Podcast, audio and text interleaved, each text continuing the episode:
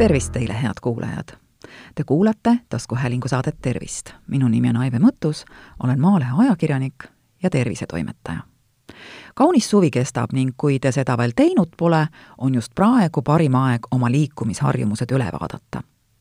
liikumine on võtmesõna paljude haiguste ennetamises ja ravis, samuti tervist tugevdava eluviisi kujundamises tänapäeval peetakse vähest liikumist neljandaks riskifaktoriks suremuse põhjuste seas maailmas liigutakse järjest vähem ja see mõjutab oluliselt südame-veresoonkonna haiguste, rasvumise, teise tüübi diabeedi ning luu- ja liigeshaiguste levikut. siit omakorda suurenevad riigi kulutused tervishoiule ja lüheneb nii elanike keskmine eluiga kui väheneb tervena elatud aastate arv.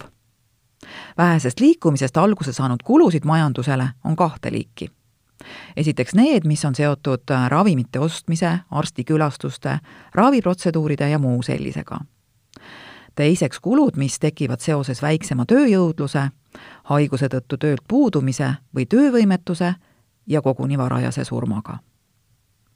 füüsiline aktiivsus aga ei ole vaid spordi tegemine kui sport on mängulist laadi võistluslik kehaline tegevus, siis füüsiline aktiivsus on igasugune kehaline liikumine, mida tekitavad energiat kasutavad skeletilihased. füüsilise aktiivsuse hulka kuulub ka näiteks kõndimine, aktiivne mängimine, aga samuti teadlik treenimine ja spordi tegemine tervise säilitamiseks on vähim kehaline koormus täiskasvanul vähemalt kolmkümmend minutit mõõdukat füüsilist tegevust viis korda nädalas ja ühe korrana läheb kirja vähemalt kolmekümneminutiline füüsiline pingutus, mille tulemusel hakkab inimene kergelt higistama ja nahk läheb soojaks.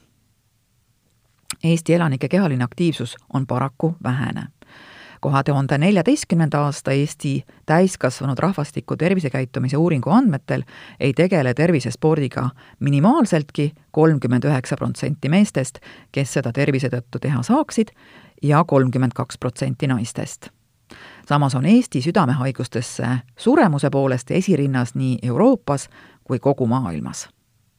iga aastaga väheneb kehalise aktiivsuse roll nii tööl kui koduses elus. istuvat tööd tegi, tegevate inimeste arv on suurenenud ja seda eriti just naiste hulgas samal ajal on oluliselt suurenenud ka energiarikaste toiduainete kättesaadavus ja tarbimine. ning seepärast on energia kulutamiseks vaja meil endil olla teadlikult aktiivsemad teadlik regulaarne liikumine peab kujunema üheks elustiili osaks. energiakulutuseks ja südame-veresoonkonna tugevdamiseks on vaja teha aeroobset treeningut.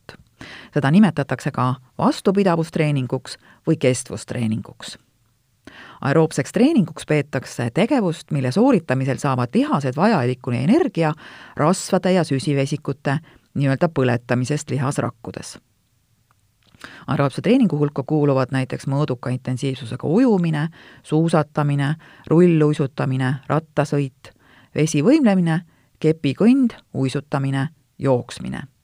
elulistes tegevustes aga kõndimine, lehtede riisumine, akende pesemine, ka koristamine, lapsega õues müttamine ja tantsimine et kõik need tegevused toetaksid tervist, peavad need kestma järjepidevalt mõõdukas tempos vähemalt kümme minutit. aeroobne treening on tervise tugevdamiseks ja säilitamiseks parim viis ning seda tuleks teha vähemalt viiel päeval nädalas, korraga vähemalt pool tundi. oluline on teada, et liikumist on vaja igas vanuses. lapsed ja noored tahavad liikuda, vanemad inimesed aga väga mitte liikumine on vajalik tugevate luude, lihaste ja südame arenguks. lapse- ja noorukipõlves arendatud kehaline tervis hoiab meid tervemana pika elu jooksul. noorena välja kujunenud liikumisarmastus ja harjumus aitab täiskasvanul kiire, kiirel eluperioodil kehalist aktiivsust säilitada oluline on teada sedagi, et vanuse kasvades muutub ainevahetus aeglasemaks ja lihased hakkavad kõhetuma.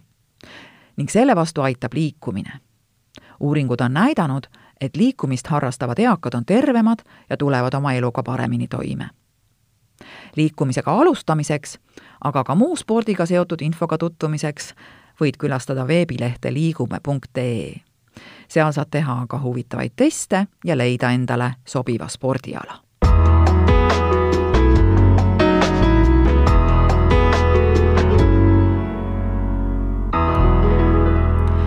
igasugune füüsiline aktiivsus on parem kui mitte midagi. isegi väikesed muudatused, nagu lifti asemel trepi kasutamine, jalgsi tööle minek, jalutuskäik lõunapausi ajal või muud sellist, võivad kaasa aidata füüsilise vormi parandamisele, kui need on järjepidevad ja regulaarsed.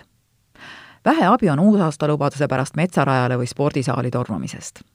sellist käitumist võib juba algusest peale lugeda kaotatud lahinguks püsivate muutuste saavutamiseks vajame tugevat vundamenti, millel ei ole looduse poolt antud erivõimetega mingit pistmist.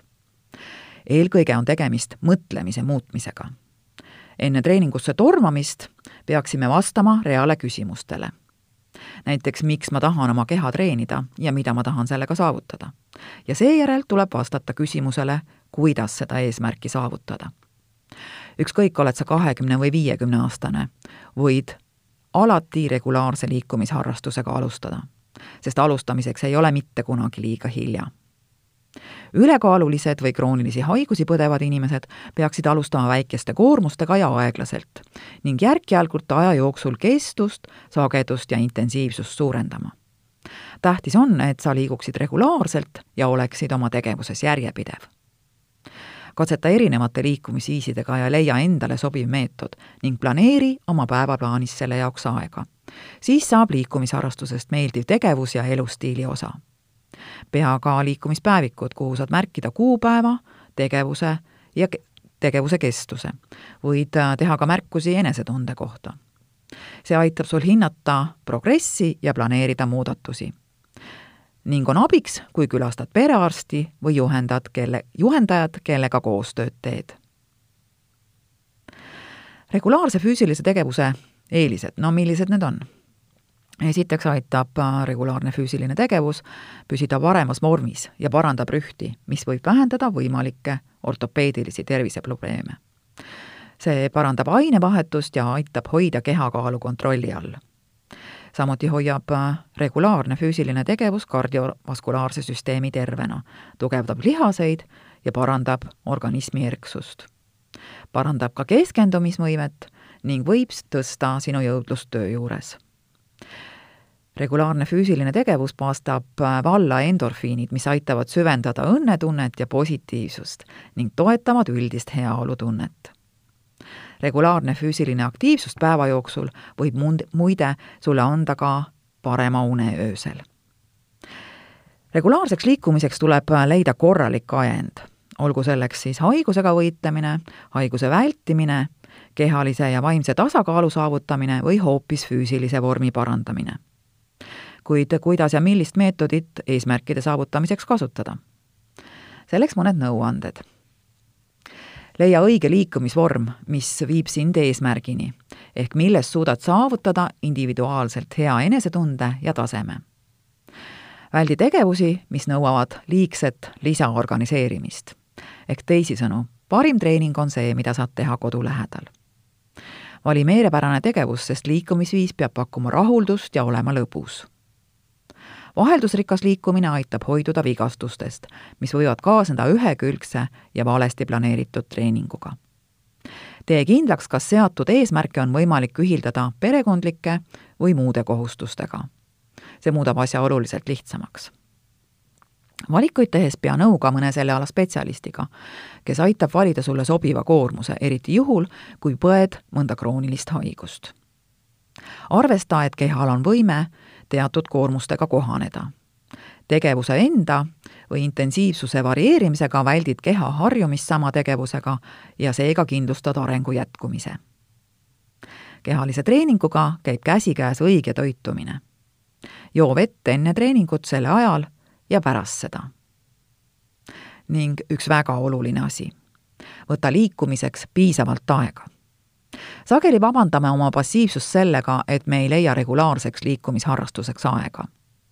tõsi on aga see, et aega tuleb liikumise jaoks võtta, mitte leida. planeeri tulemuste saavutamiseks enda jaoks vähemalt kolm liikumiskorda nädalas neljakümne viie minuti jooksul.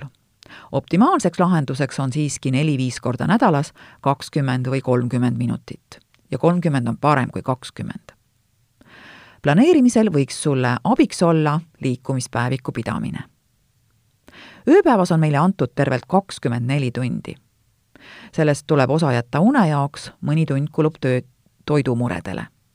ja tõsi, töö ning perekond nõuavad oma. kui te aga ei leia sealjuures poolt tundi, et tegeleda kehaliste harjutustega ja selle kaudu anda ajule parim puhkus, siis küll ei saa lugeda tervist teie kõige suuremaks varaks. Inimesel on ikkagi jäetud õigus ise oma kahekümne nelja tunni kasutamiseks, mitte allumiseks igapäevaselt aina kasvavatele nõudmistele ja materiaalsetele väärtustele.